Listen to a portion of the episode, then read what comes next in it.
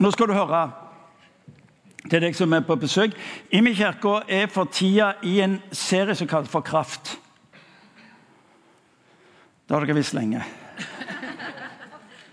Og Fokus intensjonen vår har vært å på et vis gi oss en type retning fram mot pinse. Uh, pinse, denne her høytiden som på et vis har drukna mellom alt det andre, men som godt mulig er den viktigste høytiden i kirka sitt liv. Hør meg, hør meg nå på rett måte. Kanskje den viktigste. Nå skal vi slippe å spille høytidene, jul, påske og pinse osv. opp mot hverandre. Men det er mulig at noen av disse høytidene har en type avgjørende betydning ut ifra det som er intensjonen. Hvilken dag er det i dag? En gang til. Ja, Det var bare test for å se om dere fulgte med. Um, hva dag var det på torsdag? Ikke se der og ler. Hva dag var det på torsdag? Ja, torsdag er det folk som sier her framme. De burde jo nesten berømmes for uh, Kristi himmelfartsdag. Ja, Men da er det ingen som har, har bryr seg om eller oversikt om Kristi himmelfartsdag. Men nå skal du høre, det er en av de viktigste dagene i kirkens historie. Fordi den markerer nemlig et type skille. Uten Kristi himmelfartsdag, folkens, hadde jo du og meg sittet her i salen. Jo da. Jul avgjørende viktig. Inkarnasjonen. Gud blir menneske, stiger ned. Blir værende så lenge at han får fullføre det som intensjonen med Guds løfte om at en dag, en dag så skal jeg tre inn i denne verden på en slik en måte at menneskene skal få lov til å gå ut av denne verden og vite at det er håp for fremtida.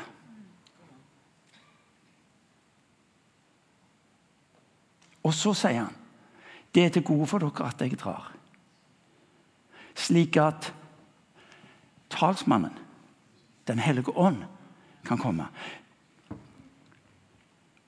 Om det hadde stoppet med påske, korset, oppstandelsen, hadde ikke du og meg så det her.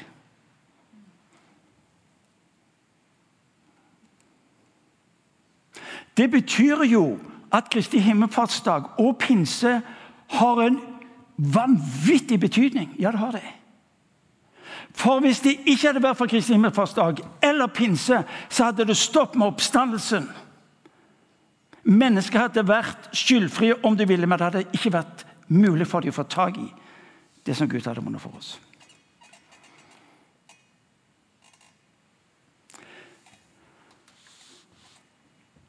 Hva som er viktigst? Høna eller egget? Litt vulgært sagt. Ja. Derfor så blir altså Kristi himmelfartsdag så viktig. For om man ikke hadde tatt et steg tilbake og gitt plassen til Den hellige ånd, så hadde heller ikke pinse vært en realitet imellom oss. Og det er det vi skal snakke litt om i dag. Ikke pinse. Eh, for det skal Terje Høiland snakke glimrende om andre pinsedag. Men du skal få innledningen på dette. Vi skal stoppe opp for en tekst som, eh, som hentes fram. Som går flere hundre år tilbake i Gamletestamentet, som peker fram mot pinse. Og Hvorfor vi gjør det? Jo, fordi at du skal forstå hva pinse egentlig er. Vi går til det som kalles for teksten du leser i, eh, i Apostelens gjerninger, kapittel 2. og Teksten kommer på veggen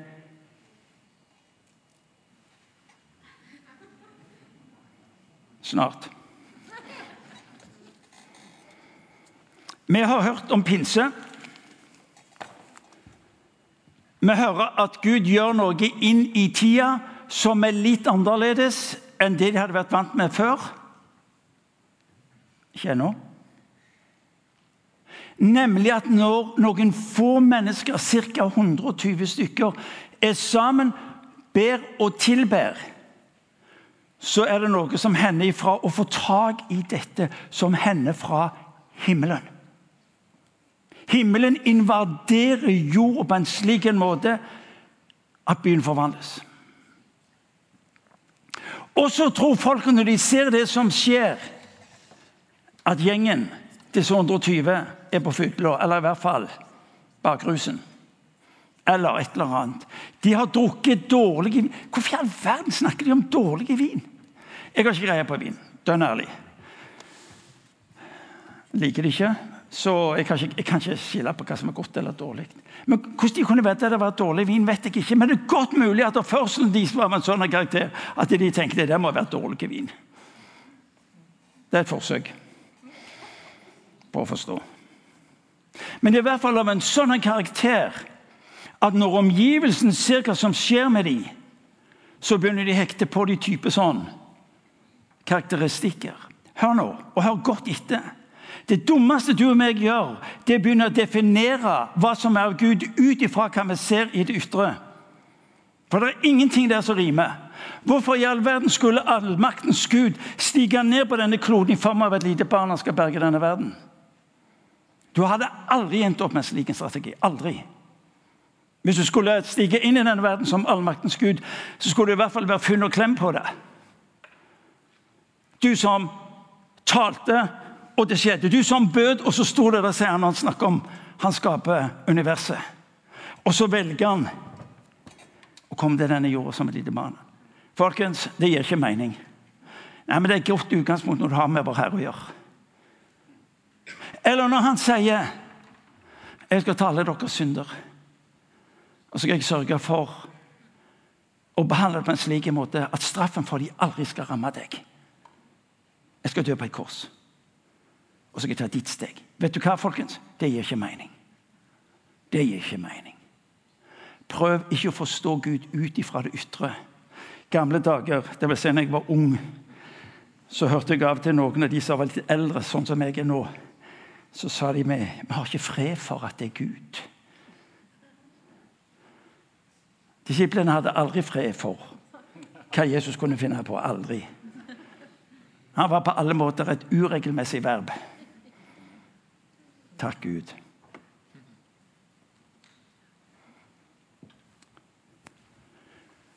Og så begynner Peter å tale. Og så nei, nei, nei, nei, nei. Det er jo bare klokka ni om morgenen. Det, det, det er jo ingen som er på snurren nå.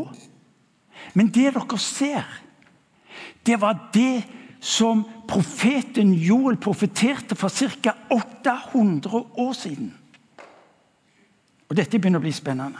For hva er det Han sier Han sier at i de siste dager skal det skje, sier Gud, at jeg, ut, at jeg øser ut min ånd over alle mennesker. Deres sønner og døtre skal profetere, de unge skal se syn, og de gamle skal drømme drømmer. Selv over mine slaver og slavekvinner vil jeg i de dager øse ut min ånd, og de skal tale profetisk. Peter siterer Joel. Et profetskrift som ble skrevet for ca. 800 før Kristi fødsel. Et profetskrift som egentlig har to hovedlinjer. Det ene er dom, omvendelse. Og så er det utgytelse av ånd. par ord om dom. Det er to dommer i denne verden, folkens. Og vi snakker om dommedag der framme. Den mest uhyggelige dommen som menneskeheten har opplevd, er den dagen hvor Jesus dør på korset. Alt annet er peanuts. Hvor verdens straff blir lagt et uskyldig menneske som har sagt 'jeg tar det'. Det er dom, folkens.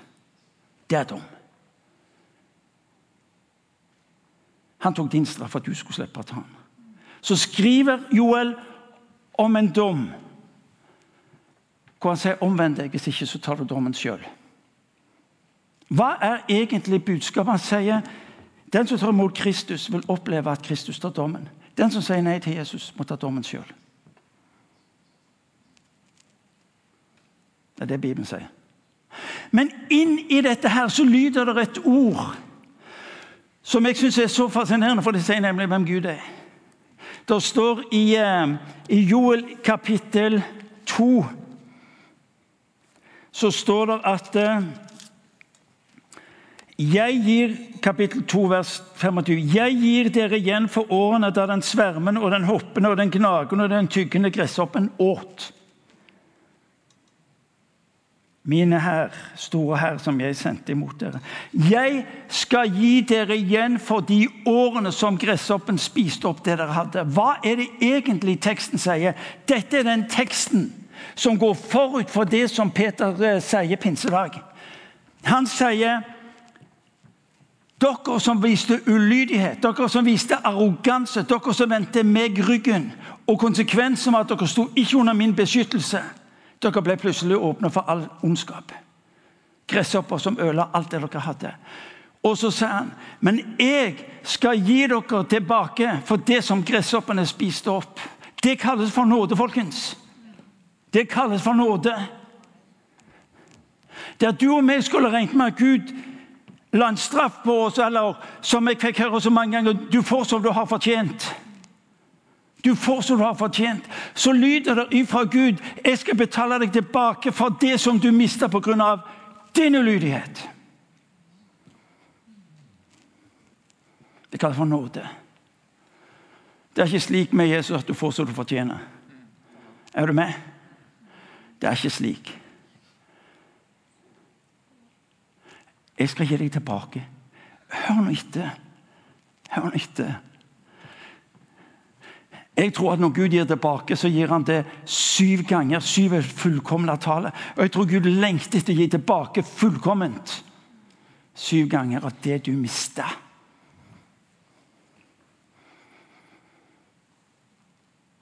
Er du med meg? Jeg møtte en mann som sa Martin, for 30 år siden For 30 år siden så var jeg i den situasjonen hvor jeg opplevde at Gud kalte meg, så var jeg ulydig. Så sa jeg nei, og så vendte jeg han ryggen.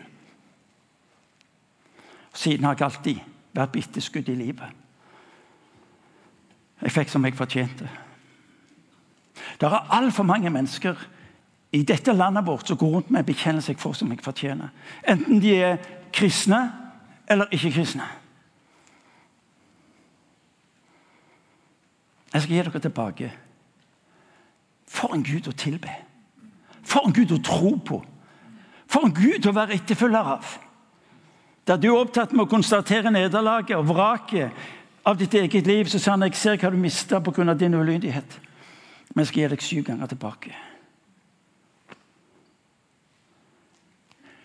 Og det var nå du skulle hatt pinnsvennen som sa Halleluja! Jana! Der er du! Ja, du er herlig.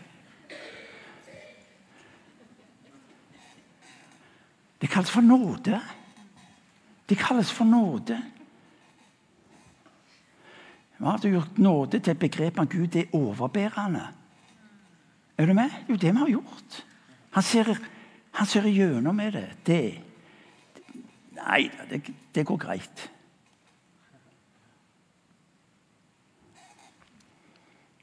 Jeg gir deg igjen. Jeg gir deg igjen. Jeg gir deg igjen. Et dette evangeliet folkens, som denne verden trenger. Fordi han har demonstrert en pris på hva det koster. For at ikke noen mennesker skal definere seg ut forbi og tro at de er ikke de.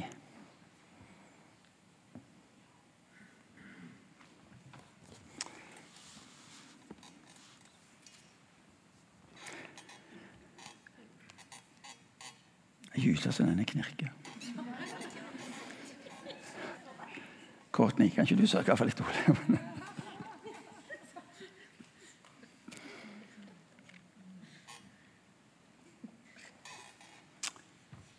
Men i de siste tider I de siste tider, står det, skal jeg utøse av min ånd. Det måtte, det måtte til en forsoning, det måtte til en dom. Peter skjønte det. Han hadde historien. Han visste at det folket så fram til gjennom jul, gjennom påske, gjennom Kristi himmelfartsdag, det var det de nå opplevde. Det som var drømmen og lengselen, det som var forbeholdt noen få For det står at Guds ånd var over noen få. Det var kongene, det var profetene. Og så var det dommerne. Prestene.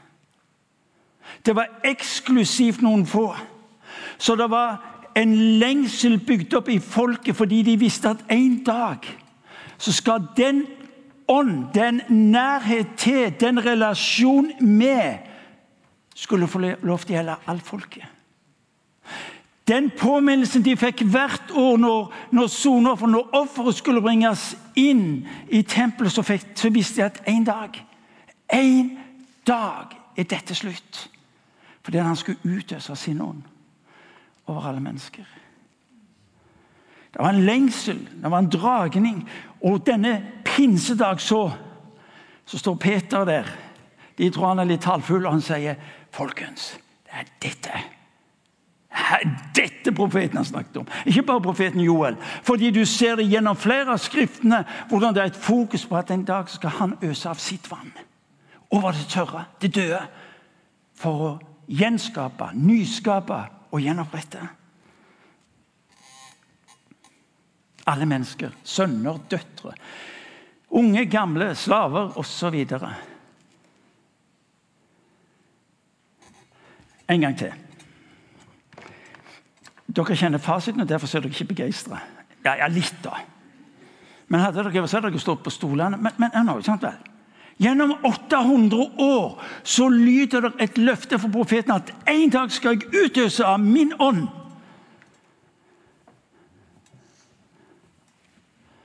For at de skal tale profetisk. Kom an. Litt mer spenstig.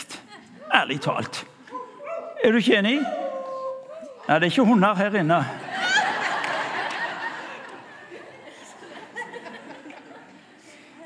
Jeg vet det var godt meint, men nå snakker vi ikke om hunder.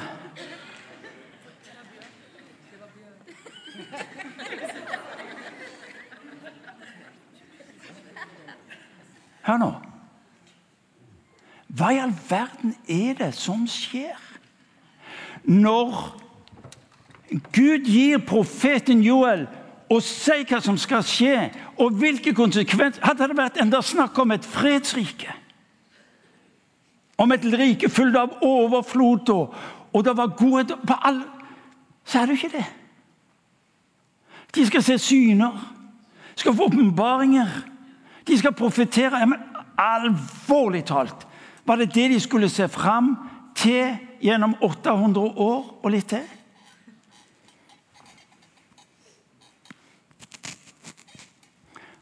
Du må få tak i dette. For Hvis ikke, så mister du det kanskje derfor vi har mista det.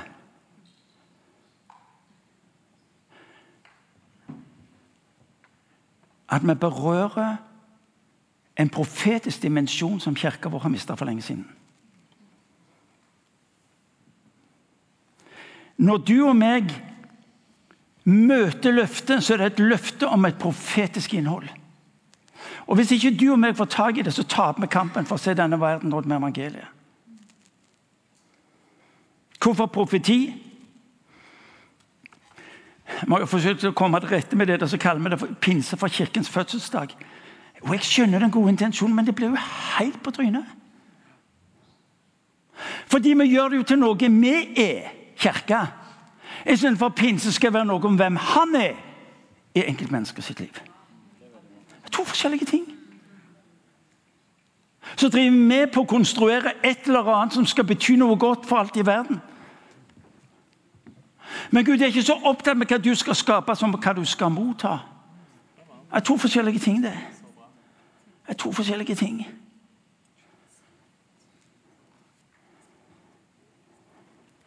Når Moses sier om sitt folk Jeg skulle ønske alt Guds folk var profeter. Det var ropet fra Moses. Jeg skulle ønske alt Guds folk var profeter. Når Paulus skriver i Nytestamentet i første brev til Korintene kapittel 14, så sier han hør nå, det er mange Guds gaver, men det er én gave framfor noen. Jag etter den. Når han sier jag, så betyr ikke ja, lenge jeg til rette og jeg er i god form og åndelig oppe, så skal jeg Nei. Når, når Paulus sier 'jag', så betyr det Hør nå. Hele deg, hele deg med ett fokus, med én kraft, etter jag det profetiske. Og vi sier ja. Tar du den?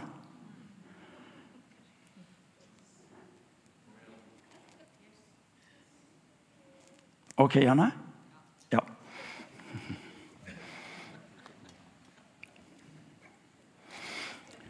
Få tak i det. Den nye tid er profetisk tid. Den nye tid er profetisk tid fordi den sier noe om i utgangspunktet tre ulike eh, situasjoner. Den ene er den posisjonen, nemlig sønn, datter, Gud som far. Når, når, eh, når, Jesus er opptatt med å fortelle hva som, skal, hva som venter de, så snakker han om Faderens løfte. Faderens løfte. Det er snakk om en posisjon hvor, hvor du går fra slave, tjener, til å være sønn, datter. For hvis du ikke er sønn eller datter, så blir du tjener. Det er altfor mange tjenere i Guds familie. Altfor mange. Fordi vi kanskje har gjort kirka til en religion. Til et religiøst senter. Jeg snakker ikke om kirka der Norge, jeg snakker om kirka på generelt grunnlag. Bare så mye du ikke misforstår.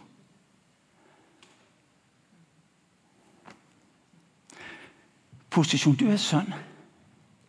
Du er sønn. Du er datter. Andre relasjon. Du er kalt til å gå med Han. Du er kalt til å være en del av det Han gjør i denne verden. Du er kalt til å være med på det som Han gjør. Og så er du klar over at det også snakker om en funksjon. Du er i denne verden med en hensikt. Du er i denne verden med en hensikt. Sørg for alt i verden, ikke bruk det på deg sjøl. Det må ikke være sånn folkens, at når du og jeg kommer til himmelen, og Gud spør deg hva, hva gjorde du med det jeg ga deg. Nei, jeg brukte det hovedsakelig på meg sjøl. Det er et gyselig dumt svar, altså. Du kan gjøre noe med det nå. Nå. Være med på det som han gjør. Så kommer krafta til oss langs to linjer. Det ene er Guds ånd til rettferdighet eller til frelse. Og så kommer den til oss som utrustning til kraft for tjeneste. Det er de to dimensjonene. Ja, Hva betyr det konkret? Jo, det betyr når, når, når, eh, Jesus snakker om pinse, så snakker han om å vente for å motta slik at dere kan motta fra himmelen. Det er litt av et perspektiv. Hva du gjør du? Motta fra himmelen. Det er perspektiv, det.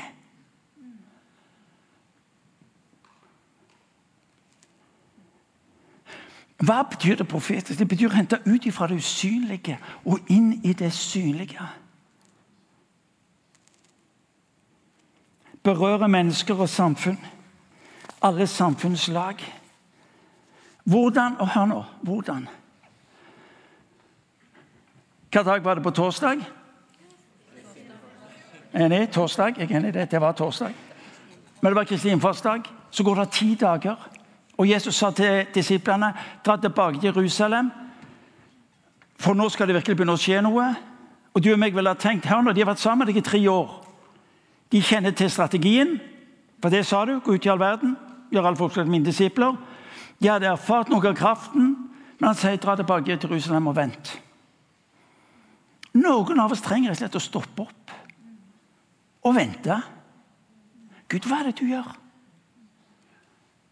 Noen av oss lever så travelt at vi har ikke tid til å vente. Aller minst har vi tid for Gud. Så han sier, 'Vent.' Ja, men vi skal gjøre noe verden. Ja, riktig, du skal ta denne verden, men du må vente. Han sier, 'Vær stille og vit at jeg er Gud'. Vær, vær stille. Ja, men evangeliet har hast, har vi hørt. Ja, det har hast. Men dummeste du og meg gjør, det springer så fort at vi er foran Han. Han har sagt 'jeg skal la mitt nærvær gå foran deg'. Ja, Det betyr han må få gå foran. Og Da sier han 'vent litt, vær stille'. Søk ham. Bli værende i Jerusalem til dere har mottatt. Det andre er altså å motta. Tenk deg det miraklet at du og jeg skal få lov å motta av det Gud har. Der du og vi kan operere med våre ulike regnestykker om hvordan du passer inn eller ikke får det til. og alt Det der. Så det har ikke noe med det å gjøre. Vil du motta? Hva, hva vil jeg si å være en kristen? Det vil si å ta imot det Gud har for deg. Så enkelt er det. Vi har, vi har putta så mye i den sekken at de fleste får jo pustevansker av alt det de skal gjøre og ikke gjøre. Hva vil det si å være en kristen? Ta imot det jeg har for deg. Det er så enkelt er det. På engelsk så står det at det 'jeg kaller deg', det er det jeg gir deg. Er det, ja, det er det det vil si å være en kristen. Du skal bare omfavne det jeg gir deg, du. Det er mye hvile i det, folkens. Det er mye hvile. Gud auser. Nei, så glemte jeg. Og det tredje du må praktisere. Du må gi det ut. Det betyr at når, når du har våget å være en for Gud for å motta, så betyr det at når du går ut og møter mennesker, så har du noe å gi dem. Jeg var i Jeg var i Boulder siste uke, og torsdag kveld jeg på en samling med ulike mennesker. Mens jeg står der og snakker med mennesker, så ser jeg et menneske står rett overfor meg. Så opplever jeg som Gud sier, tal inn i det mennesket sitt liv. Og så taler jeg inn i det menneskets liv et, liv av, et ord av tro. Hvor hun sier Det er rett inn i mitt liv. For det er så vanskelig, og det er så krevende. Det sto ikke plakat på pannen om hva som var situasjonen. Men hør nå, hva var det jeg sa? Å leve det profetiske betyr å hente ut fra det usynlige og inn i det synlige. Gud, hva vil du gi dette mennesket? For et privilegium. Når du går ut herfra og møter mennesker, så kan du tenke Gud, hva vil du gi dette mennesket? Ja, men det, kan komme mye galt Ja, det kan komme mye galt ut ifra det. Men du vi kan da ikke definere hva Gud har gitt oss ut ifra hva folk i uforstand har gjort. Er det med meg? Ja, dette med det profetiske der, Ja, det er helt riktig. Det har vært en del uviselig på det. Men hvis Gud klarer å overbevise deg og meg at det er jo dette jeg har for deg og for dere, så kan ikke du og meg drive på og kikke oss bak og si at det var mye som var, var feil og gale. Det er jo ikke sånn verden går framover, folkens. Vi lærer av det som var feil og gale. Ja. Men når du og meg velger å være tause på det Gud har velsigna våre liv med, så er det mennesker der ute som går glipp av det. Vi må ikke gjøre det. Vi har ikke lov til det. Er, er dere med meg? Vi har ikke lov til det.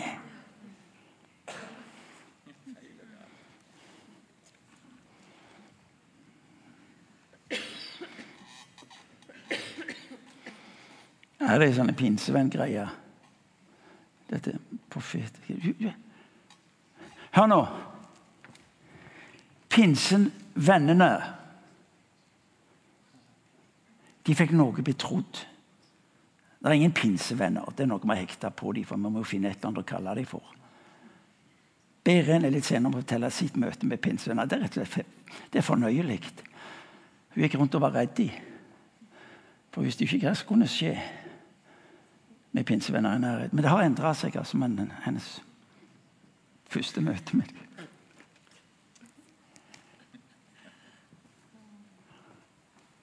Nei, det er, ikke, det, det er, Guds folk. Enten de har den ene overskriften på døra si eller den andre. Hør nå. Unge, sønner og døtre, gamle Finn, deg og meg, Else Grete. Det er vi som har passert 50.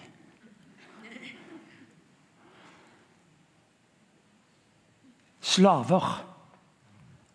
Og så er det ett ord som mangler, som jeg eh, selvsagt mener bare at han glemte det ut. Barn. Hvorfor er vi i min kirke så opptatt med at barna ikke skal gå glipp av det Gud har for dem? Ann Ingel, kom og fortell oss.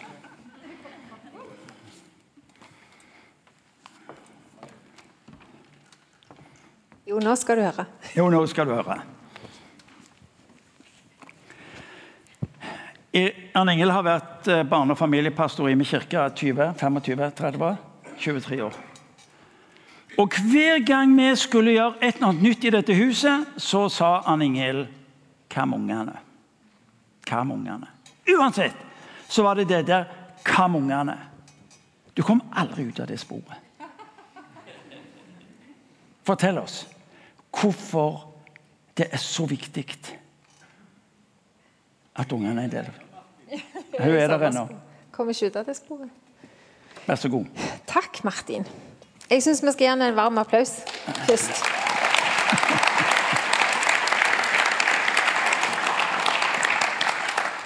Du, snakket, du har snakket en del i dag om eh, akta. Jeg sier akta istedenfor apostlenes gjerninger, for det lærte jeg når jeg gikk på bibelskolen. At vi skulle si akta. Og der i kapittel to der står det jo svaret, egentlig, Martin. Du har lest det. Deres sønner og døtre refereres det til Joel. Deres sønner og døtre.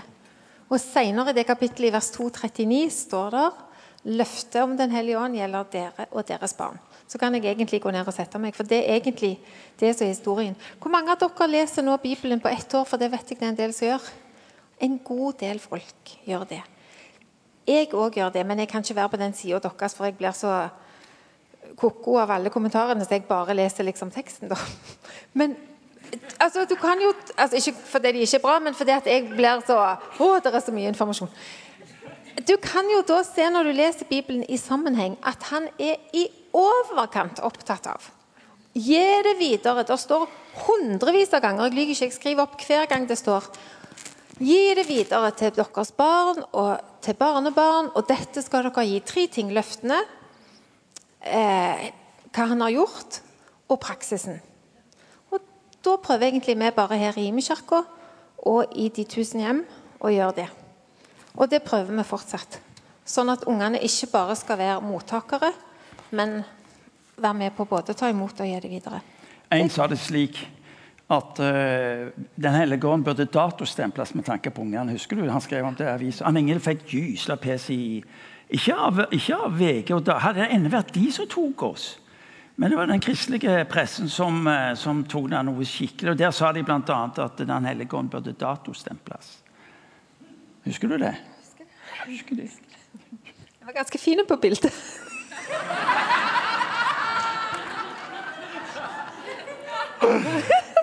så festlig.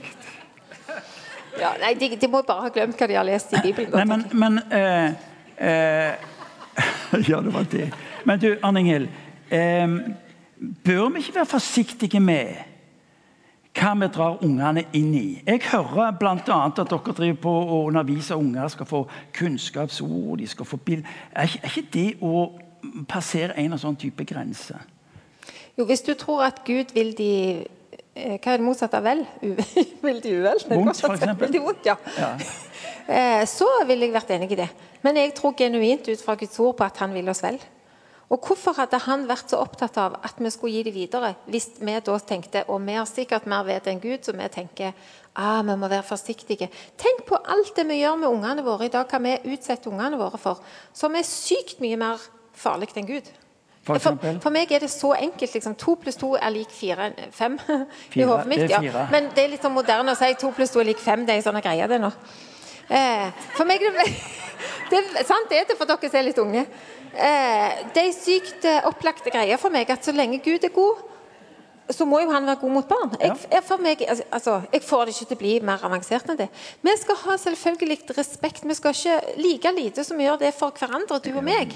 Så skal vi jo vise ungene respekt. Vi skal ikke tvinge dem og spenne dem inn noen plass. Og det gjør vi ikke med hverandre heller. Vi er jo så forsiktige. Vi holder jo på å dåne av og til, så forsiktige er vi. Vi skal ha supergod respekt. En historie fra helbredelsesrommet. Der satt en mor og en sønn eh, inne, og det er et sånt tegnebord der. Eh, og de holdt på, og han tegnte og så spurte hvis du får noe til noen, så må du bare si det til meg. Så kan bort. Ja, jeg fikk litt. Han syntes ikke det var han her, eh, Gutten jeg har spurt om å få lov til å si det uten at de skal få fortelle alt sjøl, så jeg bruker ikke navn nå. Eh, jeg synes ikke det var, det var litt sånn bra, men det var litt sånn jeg var ikke helt fornøyd, merkte mora. Så sa mora hva er det som er problemet. Nei, jeg har, ikke, jeg har ikke fått det jeg skal ha. Jeg skal ha noe. Jeg vet, jeg opplever liksom, føler på meg jeg skal ha noe. Og så går eh, de ut på gangen og tar litt kjeks og vann. Og så plutselig ser han hvem han skal gi det til. Så går han inn og tegner, og så går han til det mennesket og gir det. Og Jeg blir litt så rørt når jeg sier det, for det, for det mennesket er det sånn. Litt sånn som du fortalte om for Bowler. Wow, Gud, du ser meg. Mm. Og der har han sprunget rundt litt og kjeda seg litt, tegnet litt, spist kjeks. Fått hvert barn, da. Skjønner du? Og så i neste omgang så bare bong. Han, han, altså, vi, vi, må, jeg tenker, min største frykt som mor og mormor er jo at jeg skal hindre dem mm. å få komme nær Gud. at jeg skal hindre dem når jeg leder her. At vi skal ha så mye dill og dall rundt at vi hindrer dem å komme til Han. Mm. Ikke den andre, andre tingen, hvis du skjønner. Så jeg tenker som foreldre Det, det, er, så, det er, såpass viktig at eh, Foreldre er jo den aller viktigste. De har mest med ungene å gjøre. Men kirka og menigheten er nummer to mm. i påvirkning i forhold til, den, til Gud. Og tenk på alle de som ikke har foreldre da. Og de brenner jeg for som ikke har foreldre som nødvendigvis gjør dette med dem mm. hver dag. Vi hadde Kristi himmel. Derfor har vi òg oss og menigheten. Og vi har IMI-gjengen, og vi har huskirker, og vi har helbredelsesrom, og vi har KF-skolen, og vi har så mange ting der vi ønsker å ikke hindre dem å komme til Gud, for vi tror Gud er god. Og vi har ikke tenkt å dytte dem og presse dem. Og vi har så mange gode, for mange av dere her har vært med i mange år. Jeg ser dere. Eh, og er det noe dere ikke gjør, så er det å presse dem, men dere lar dem få komme til det.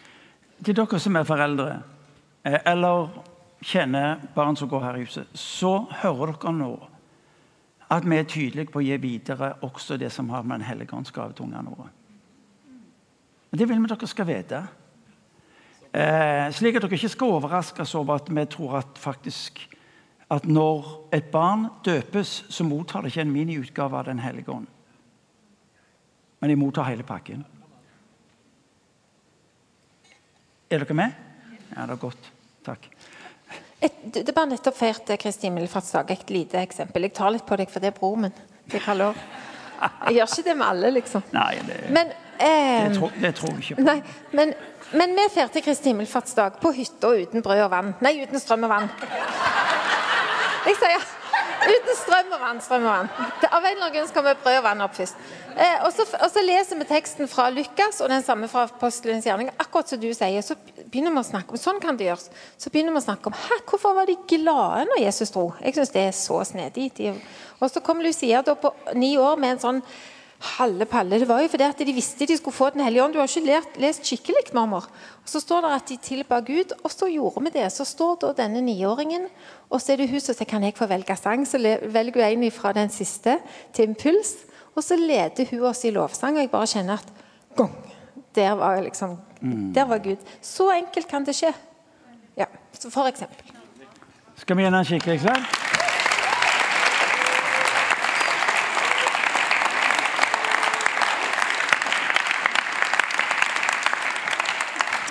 Jeg skal, begynne, jeg skal begynne å slutte. Apostelens gjerne kapittel 21, vers 9, så leser vi om Philip. Han hadde fire døtre så står det, som hadde profetisk gave. Det er interessant. Det er interessant. Hvordan kan dette se ut for deg? Jo, nå skal du høre. Eh, vi har starta noe som heter profetikurs. Det vil si et kurs over fem kvelder, én time hver kveld. Hvor du kan altså få lære mer om dette livsviktige som vi nå har hørt om. Du er velkommen til å være med. Det har glimrende undervisning hvor de som eh, underviser, eh, har levd i det og ønsker videre av det som er intensjonen med kurset. Fordi vi vil ikke at du som går her i huset, skal miste eller ikke blir en del av den bevegelsen som Gud har gitt oss med profetisk bevegelse. Det er det ene. Det andre jeg vil at du skal få med deg, det er Bibelskolen vår har ulike linjer. En av dem er profetiskolen. Uh, hvor langt kan jeg gå i å si det jeg nå sier? Jo jeg, Så langt, ja. Jeg tror Kirkas store tragedie er at de har mista sine profeter. Jeg mener det, folkens med eksperter på hyrder, lærere, til viss grad de som kalles for apostler eller apostelutrustning evangelister. Men det er tankevekkende at profettjenesten er omtrentlig fraværende. Det er interessant at Jesus sier i Markus evangeliet kapittel 6 at ingen profet blir tatt imot på sitt hjemsted. Det er interessant at han ikke sier ingen hyrde eller lærer eller evangelist. Hvorfor? Fordi at profetene på en spesiell måte bringer inn et møtepunkt mellom mennesker og Gud, som er av det uvanlige slaget. Derfor ble det viktig for oss å starte profetiskolen. Fulltidsstudie. slik at du kan få den hjelpa du trenger til nettopp å være denne røsten. Denne synliggjøringen av en dimensjon som israelsfolket gjennom flere hundre år så fram til skulle virkeliggjøres. Der, henger, der ligger brosjyrer på bordet ute i vestibylen der hvor du tok kaffe. Les den.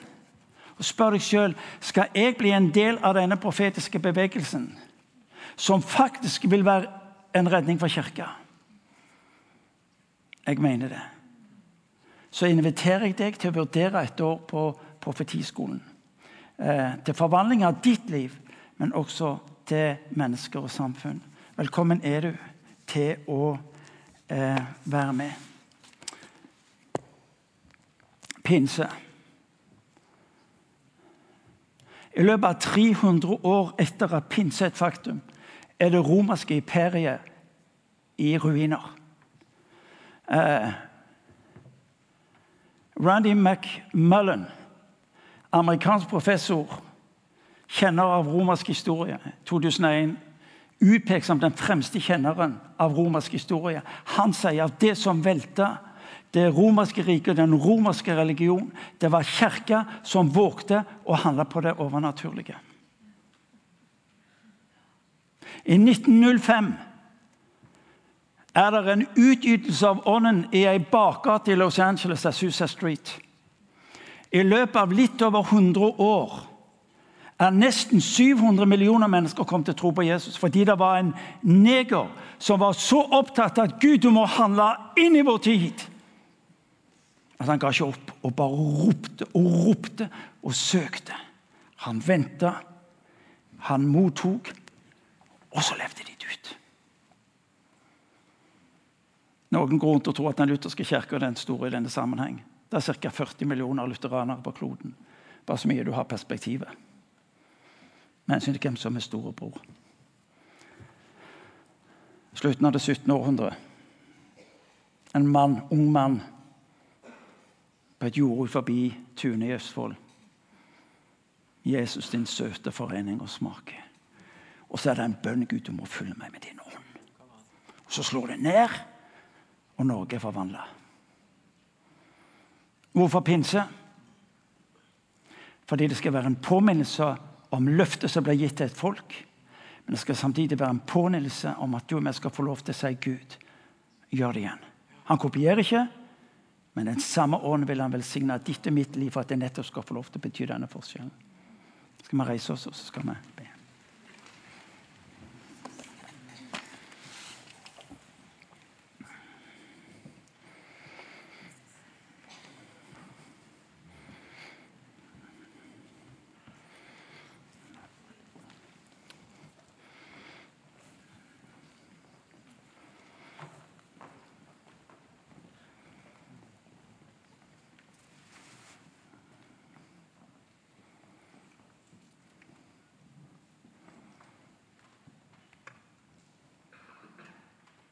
Noe av det verste, vanskeligste for deg og meg, det er å vente.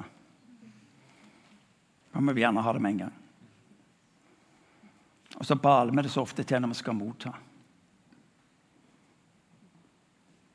Skal vi gjøre det litt enkelt? Du har godt av å forstå litt. Du har sittet såpass lenge. Jeg, jeg ser jeg har holdt på en stund, men det var en engel som gjorde at det ble så lenge. Skal vi gjøre det slik at du, du står her? Og så skal du få lov til å ta imot og si Herre Jesus, du må gjøre det igjen. For hvis, hvis Peter og gjengen trengte det i sin tid, så trenger du det meg enda mer i dag. Hvis det er en lengsel og tørst i samfunnet etter en erfaring av Gud, trengs det enda mer i dag. I et samfunn som er trøtt av våre ord, er det mulig at en erfaring av en Gud som ser dem, vil være det som overbeviser dem. Og som vil føre til at folk sier ja. Og vet du hva Jeg tror Jeg tror hver enkelt av dere som er i dette rommet i kveld, ønsker å være der. Dere hadde ikke vært her ellers. Jeg tror at hver enkelt av dere som er egentlig ønsker å gå herfra og si Herre Jesus, la meg, få, la meg, få, lov til å leve det livet. La meg få lov til å se virkeliggjøringen av, av det løftet som du en dag ga ditt folk, og som ble synliggjort gjennom pinse. som forvandler verden. Jesus ønsker å være der. Og det gjør det ved å motta og ved å gi videre. Kan vi gjøre det slik nå at uh, du bare er innenfor Gud, og så har jeg bedt dem om å spille litt instrumentalt. Og så skal du bare få lov til å Se, Herre, jeg er her. Jeg vet ikke hva, hva Peter og gjengen gjorde mellom Kristi himmelfartsdag og pinse. Det er ti dager. Ti dager. Det står at de lovsang, de ba, leste Guds ord. Det har vi gjort i dag òg. Her. Men la oss bare være en for Gud og si Herre, gjør det igjen. Gjør det igjen. Og det du begynner på av venting og mottagelighet her, ta det med deg når du kommer hjem. For så å ta imot. Så kom, Hellige Ånd, jeg ber om at du skal komme til den enkelte av oss her vi står. Du kjenner oss, du kjenner våre liv. Og vår bønn er, Gud, som du gjorde med de første kristne, ber vi om at du må gjøre i dag. Far, vi ber om det. Du må ikke holde det tilbake. Far, jeg ber om at du må gi ikke henhold til våre forventninger, for det er ymse. Men jeg ber du skal handle i henhold til dine forventninger. For Vi bekjenner for at jeg ikke tar utgangspunkt i vår tro, for den er til tider så opp og ned. Men far, vi ber du skal handle i henhold til din tro.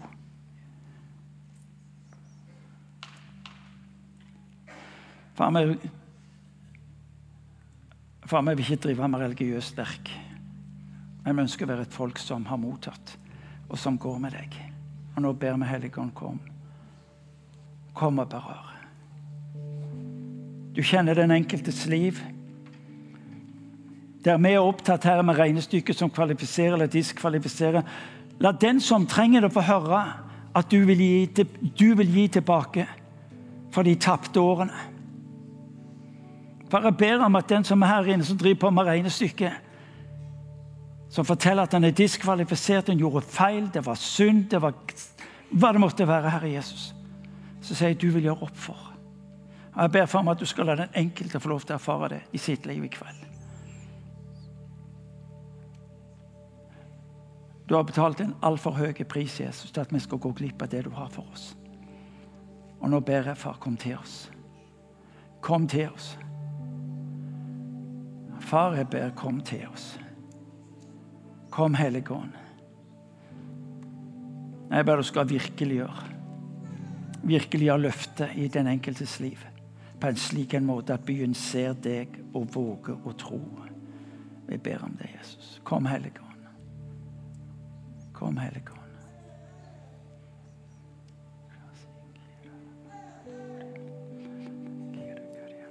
Bare ta imot der du står. Du kan bare si 'Takk, Jesus'. Takk, Jesus. I ditt indre. Takk, Jesus. Hmm.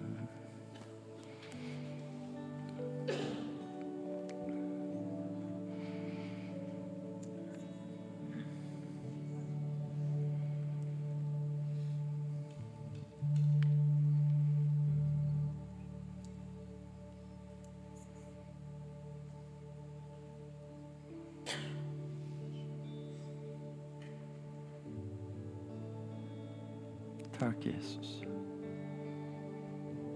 Takk, Jesus. Hmm. Hmm.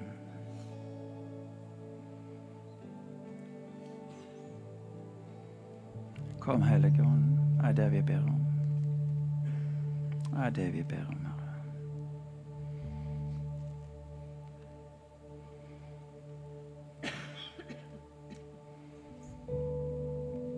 Far, jeg ber du skal forløse en profetisk ånd her i den enkeltes liv. Far, vi er ikke i stand til å virkeliggjøre dine løfter, men vi kan ta imot dem. Og vi ber, far, om at du skal være tro mot dine egne løfter. Far, vi ber om at du skal være tro mot dine egne løfter. Forløse det i vårt liv. Så kom, Hellige Ånd. Hmm. Takk, Herre.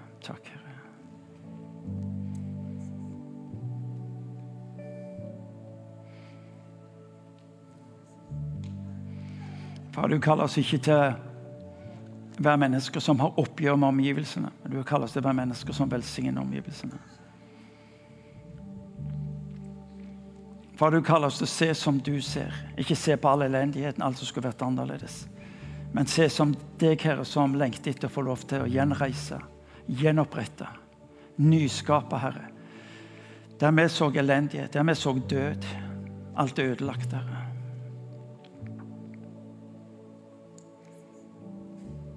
Kom, Helligånd. Kom, Helligånd. Kom, Helligånd.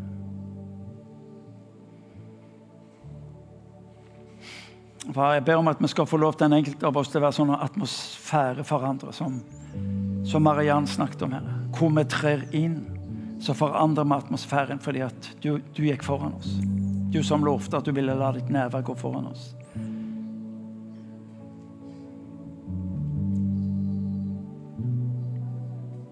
Far, du sier i ditt ord at det kommer en tid hvor folket skal skripe tak i, i, eh, i kjortelen til ditt folk for for de vil ha tak i, Herre. Vi ber om at vi skal få lov til å være et folk som, som folk kommer til fordi de vil ha De vil ha tak i det som du gir, Herre. Jeg ber om det. Far, vi ber om det.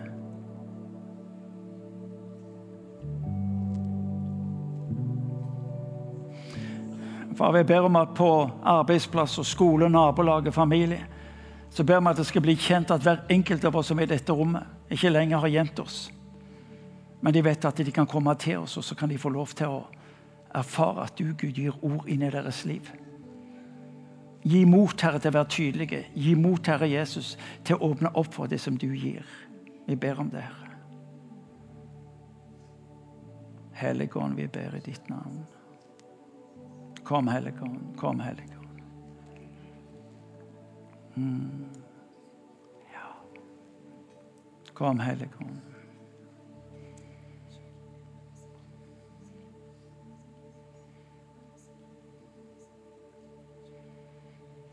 Far, jeg ber om du skal bevare oss ifra leke kristendom til å leve det. Jeg ber om det, far.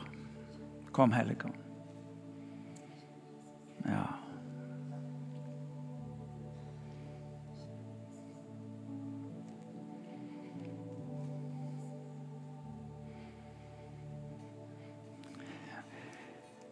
Og når vi nå lovsynger og proklamere hvem han er, og hva han har gjort, hvilken død han døde, så skal du og jeg få lov til å vite at der, der ligger garantien for at han ikke vil svikte deg når du våger ta et skritt fram. Og nettopp å være enten røsten eller synliggjøringen av en Gud som har steget ned. Så la oss, la oss lufte opp hans navn i tilbedelse. Jeg ber om det. Kom, Hellige.